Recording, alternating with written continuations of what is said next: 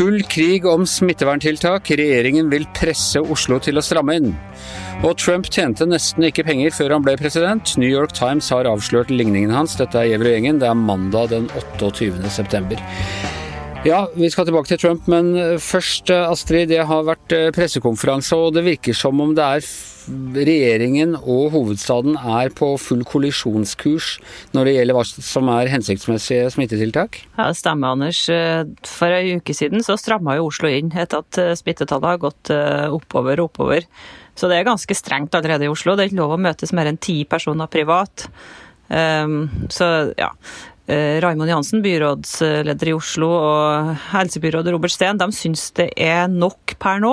Eh, og de ønsker egentlig ikke å stramme inn mer, tror jeg.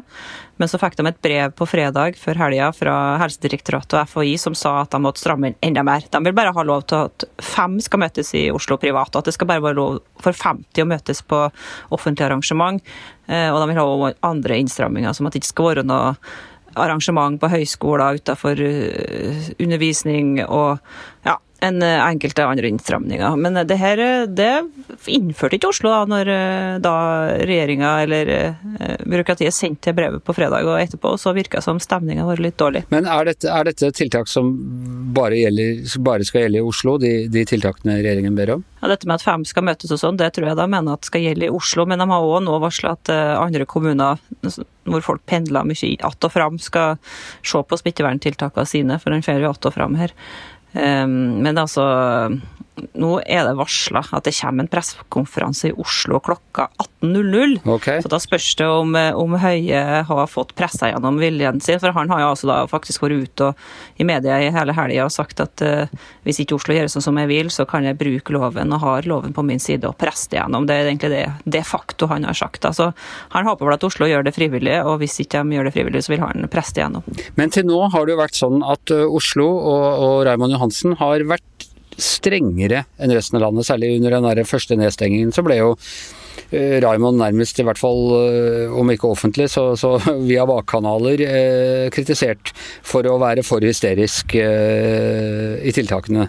Når var det dette vippet over den andre eh, på den andre siden? Sant, Anders han tror jeg har irritert regjeringa av og til, som har liksom hatt showet her, da. Men av og til så klarte Raymond Johansen i Oslo å stjele limelighten og innført tiltak bare bitte lite grann tid før regjeringa sjøl har har tenkt gjort det. Og slik virker han som veldig handlekraftig på korona. Det er jo umulig for en politiker å eh, profilere seg på noe annet enn korona nå nesten, vet du, i disse dager. Men er dette bare politisk spill, tror du? At det er bare en sånn eh, høk over høk mellom regjering og, og Oslo-byrådet? Ja, vi er jo nok litt irritert på hverandre vært over lengre tid, tipper jeg. Men det er jo litt mer enn det. fordi at Raymond Johansen og Robert Steen, som er helsebyråd, når de stritter imot, så har vi jo noen argument for det. Det er jo det at de innført tiltak for en uke siden. Det er altfor tidlig å si om de eh, virker allerede nå. Du må ha minst 14 dager på det.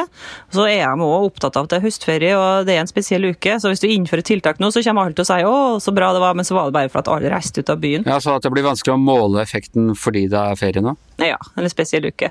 Så er det jo eh, noe som vi antagelig skal holde på med et år til, og smittetallene i Oslo er jo ikke så høye som ja, i resten av eh, ja, i Europa. Madrid, Paris, København osv. Ja, det der er jeg usikker på. Jeg synes jeg får Innimellom får jeg plutselig høre at Oslo er en av de rødeste byene i, eh, omtrent i verden, eller i hvert fall i Europa. Så er det sånn nei, det er ikke så farlig, det går helt bra her. Hva er, hva er sannheten der? Ja, det var han eh, Fungas, han i Helsedirektoratet Espen Nakstad, som sa det at Oslo kunne bli en av de rødeste byene i Europa. Men det er jo ikke det. Eh, men det var litt hard retorikk, som òg forsura forholdet mellom Oslo og eh, myndighetene sentralt. Da, fordi at eh, det er ikke en av de rødeste byene. Mye verre i København f.eks. Men så har vi jo mye mye strengere regler da, i København. Der har vi jo bot for alt mulig rart. Og i London så får du jo opp til 100, 100 000 kroner tror jeg, i bot hvis du bryter karantene. De har jo hatt noen forferdelige eh, tall på etterlevelse. Det er jo liksom bare type 10% som etterlever diverse tiltak, og folk bryter karantenen over en lav lav sko. Så der er det De begynte med politi og bøter nå. Men uh, dette var Per Olav som, som for så vidt lufta på morgenmøtet vårt i dag. Hvorfor innfører man ikke sånn i Oslo at uh, Jeg, jeg syns alt er litt sånn så wishy-washy. Det er vanskelig å vite. Ja, vi anbefaler å bruke munnbind, men du trenger ikke å Altså, kan du ikke bare si at skal du kjøre offentlig transport, så må du ha munnbind? Hvorfor er det så vanskelig å si? Nei, Spør du meg, så spør jeg deg, Anders. Altså, de har jo drivet og håpa på at det skal være frivillig. da. Hever slike argument som i Sverige, at det beste er jo hvis folk gjør ting frivillig. Vi skal holde på et år til, og det er tiltakstrøtthet, og det er vanskelig å tvinge folk eh, her. Altså, og da må politiet begynne å bruke masse tid på å patruljere på hvor mange T-baner og busstopper har vi ikke i den eh, hovedstaden vår. Det er vel slike ting.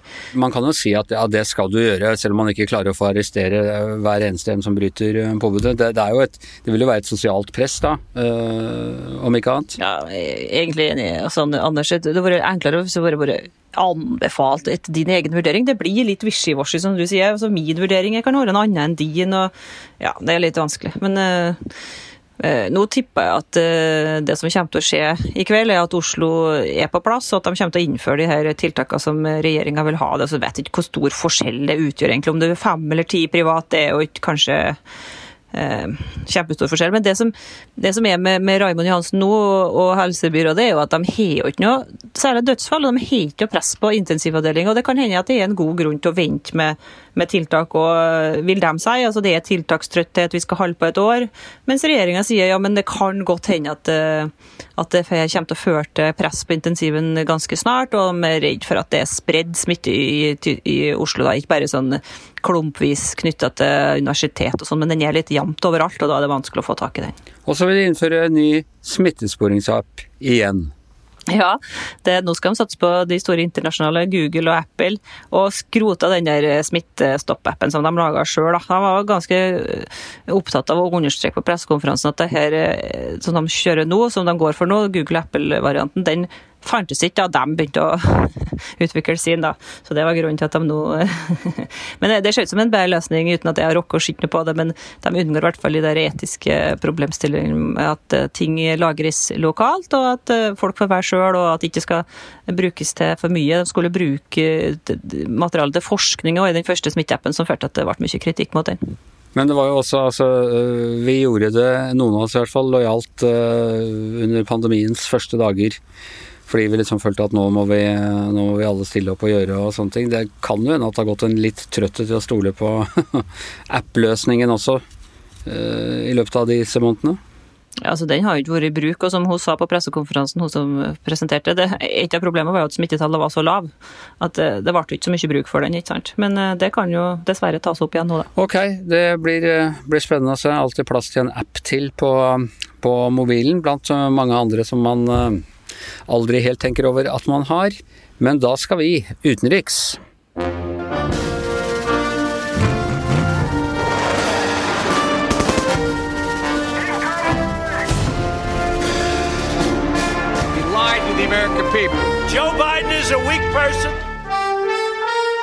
Ja, Per Olav, jeg vil si at uh, på disse, ja, disse Trump-dagene, nå våkne om det har skjedd noe spennende på Trump-siden, dette kaller jeg en terningkast seks-dag. Ja, virkelig. Det er jo en av disse hemmelighetene som Trump har forsøkt å holde skjult for alle i eh, fire år, og godt og vel det. Ja, lenger. altså De begynte vel å mase på han allerede da han erklærte sitt kandidatur, fordi alle uh, presidentkandidater eh, helt siden jeg tror det var Gerald Ford eller Jimmy Carter i, i 1976 har lagt fram selvangivelsen sin, rett og slett, eller ligningen sin, for å vise hva de har tjent og hvor mye de har betalt i skatt. Og, og Trump har hele tiden sagt at det vil han ikke gjøre, for han har bokettersyn. Og alle skattemyndigheter og sånn har sagt at ja, men det det har ikke noe å si, du kan godt legge frem ligningen likevel, men han har like fullt nekta. Vi trodde lenge at han ikke skulle slippe unna med det, at han ville bli pressa til å, å, vise den, men han gjorde ikke det i 2016. Nei, og det er jo ikke bare journalister som det teamet i New York Times, som jeg tror har jobbet med hans økonomi nå i, som du sier, i mer enn fire år, eh, og for å forsøke å kartlegge det, men også Kongressen har jo sett det som sin oppgave, og sånn som sin tilsynsoppgave med den utøvende makt, så er det å ha rede på presidentens økonomiske interesser interesser og forhold blitt sett på som viktig, så de har jo bedt om å få disse opplysningene, men har ikke fått det. Statsadvokaten i New York har jo bedt om å få disse, den informasjonen. De har en etterforskning på gang. Og den saken har jo gått gjennom rettsvesenet helt opp til Høyesterett.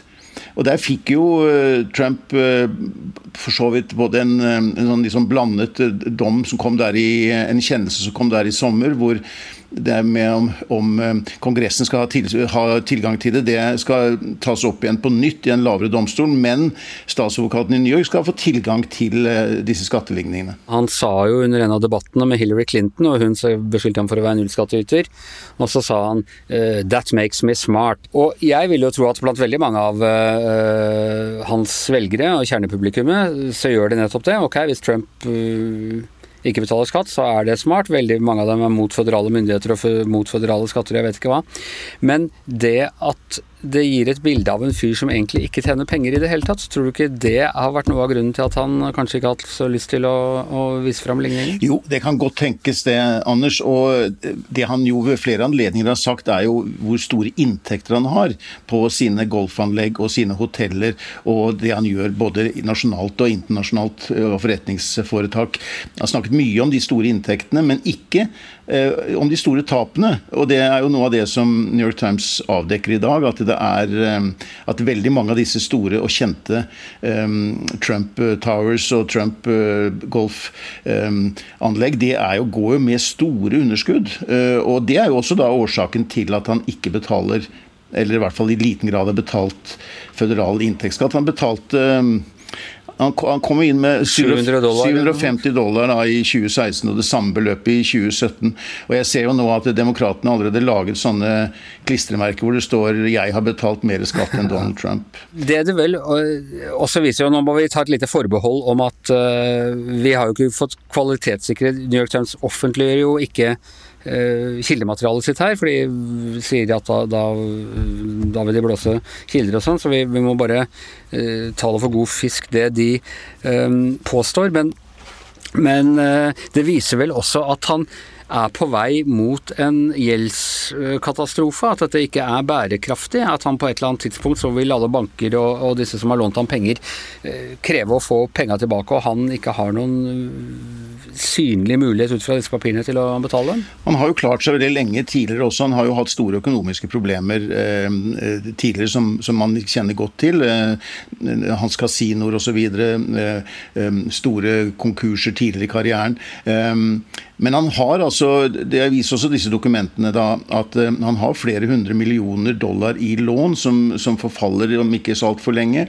Og han har uh, en krangel som har pågått i ti år med skattemyndighetene om eh, Han fikk da 79 millioner dollar, tror jeg, i sånn skattelette som en del av disse her finanskrisetiltakene. Og så har det vært strid om de pengene. og Hvis han taper den saken, så kan han komme til å måtte betale 100 millioner dollar eller mer eh, tilbake til staten. Og det, så det er mange slike saker, og det er jo nettopp denne gjeldsbomben eh, som er en av hovedsakene her i, i de avsløringene som er kommet. Eh, det det er jo også et poeng, syns jeg, Anders, at det er, noe, det er en grunn til at alle andre presidenter siden midten av 70-tallet har oppgitt disse tingene. Fordi det er viktig for offentligheten, for velgerne, å vite hvilke økonomiske interesser og bindinger og, og hva en, som en president, en politisk leder, har. Altså, Man må ikke komme i en sånn situasjon at, man, at det blir mistanke om at, man, at det blir tatt politiske beslutninger ut ifra egeninteresse, og ikke ut ifra hva som er best i forhold til det folket man faktisk har valgt. Men dette er vel også nok et eksempel på noe av Trumps sånn litt sånn teflon-effekt. Eh, vi, eh, litt gammeldagse som har dekket eh, amerikansk politikk i mange år, vi var sånn ja, han blir før eller siden nødt til å legge fram ligningene og sånne ting. Og han bare nei, det gjør jeg bare ikke. Jeg gidder ikke å høre på. Jeg blåser i hva dere fake news media eller i den dumme kongressen eller hvor som helst, men jeg gjør det bare ikke. Og det har jo faktisk funka så langt, da. Ja da. Og det som jeg sier er jo bare for at man skal unngå sånne interessekonflikter, at det er åpenhet som, er, som har på en måte vært gjeldende til nå, men så har jo Trump gjort om på veldig mange andre regler av hva som har vært normalt og vanlig. Han har jo toppmøter på, på sine egne resorter og i det hele tatt, så det er interessekonflikt. Det er ikke noe som heter i Trump-verden. Nei. Så, men allikevel så er jo Og jeg vet ikke om dette flytter så veldig mange stemmer, om det forandrer så veldig mye på det, men det de gjør, er jo at det bringer Trump litt på defensiven. For han, spurt, han kommer til å bli spurt om disse tingene. Og man kan være ganske så sikker på at dette kommer til å bli et ganske viktig tema i den valgdebatten, den første presidentdebatten, som altså finner sted natt til onsdag. Og at Biden kommer til å kjøre på dette, og han kan komme til å bli spurt om dette også av Mike Wallace, som er da denne programlederen som skal styre den første debatten. Og det er ikke noe fordel for Trump at han blir nødt til å svare og snakke om disse temaene som han har forsøkt å holde eh, skjult i, i fire-fem år. Nei, og, altså, Men sånn får jeg litt inntrykk av at hele eh, valgkampen nå er. Altså, det er ingenting som virker direkte negativt for den ene eller den andre. Svært mange har bestemt seg. Men eh, hvilke saker som dominerer kan bli avgjørende på den måten at man ikke får da kjørt de sakene med altså Trump vil helst snakke om økonomi og lov og orden. Uh, og, og, alle andre ting kan virke forstyrrende inn på det. og Det er det som er problemet hans. Ikke at uh, han taper fordi velgerne hans er skuffet over at han er nullskattyter. Nei da, og nå fikk, en, nå fikk han jo lov til å dominere litt noen dager nettopp med det med å nominere en ny dommer til Høyesterett. Så var det en sak som jeg tror styrket på en måte hans posisjon blant hans egne velgere. Um, og det er ikke sikkert at denne saken kommer til å ødelegge så mye i forhold til hans egne velgere. Det tror jeg neppe. Men du, eh, bare ta opp en ting med deg også, som, eh, som diskuterte med Thomas Giertsen og Anne Holt her rett eh, før helgen. Og, det var Thomas som egentlig tok opp Hadde det ikke vært smartere for Trump når det gjelder høyesterettsdommer å eh, si til sine republikanske velgere at ja, jeg rekker ikke nå før valget, men eh, hvis jeg får en periode til, så så skal jeg sørge for at, eh, at det blir en konservativ uh, dommer til i Høyesterett. At det skulle være en motivasjon for nettopp de republikanerne som er litt lei av Trump og, og ikke vet helt om de orker å stemme på den en gang til, men at hvis vi liksom hadde den gulrota, at han liksom brenner av julegavene før julaften her uten å få noe ordentlig valuta for det selv? Ja, det er, det er en god, god, teori, det. Og jeg, jeg skjønner argumentet for det. Samtidig så har jo Trump allerede sagt at han tror at dette valget kommer til å ende i Høyesterett slik det skjedde for 20 år siden. Eh, da var det jo egentlig Høyesterett som i praksis avgjorde valget ved at de stanset opptellingen av stemmer i Florida. Og eh, Hvis han allerede nå for, eh, forskutterer da, at Høyesterett skal komme inn på banen på en måte å avgjøre hvem som blir president, at det blir et valgresultat som, ikke, som er så omstridt og som ingen på en måte godkjenner, eh, så eh, er det Høyesterett som skal tre inn og avgjøre. Da er det jo en fordel å ha seks mot tre i Høyesterett, som, som, er regnet som i den konservative fløy. Da. Så er det jo ikke bestandig at høyesterettsdommere gjør slik de presidenter som har nominert dem, forventer. Det har skjedd mange ganger før. Nei, men jeg tror kanskje Trump forventer seg det. det... Ok, Eh, det var det vi eh, hadde for i dag. Eh, takk til Astrid Mæland, takk til Per Olav Ødegaard. Jeg heter Anders Giæver, og mannen som sørger for at vi leverer vår selvangivelse hver eneste dag her i Giæver og gjengen, heter Magne Antonsen er produsent. Vi høres igjen i morgen.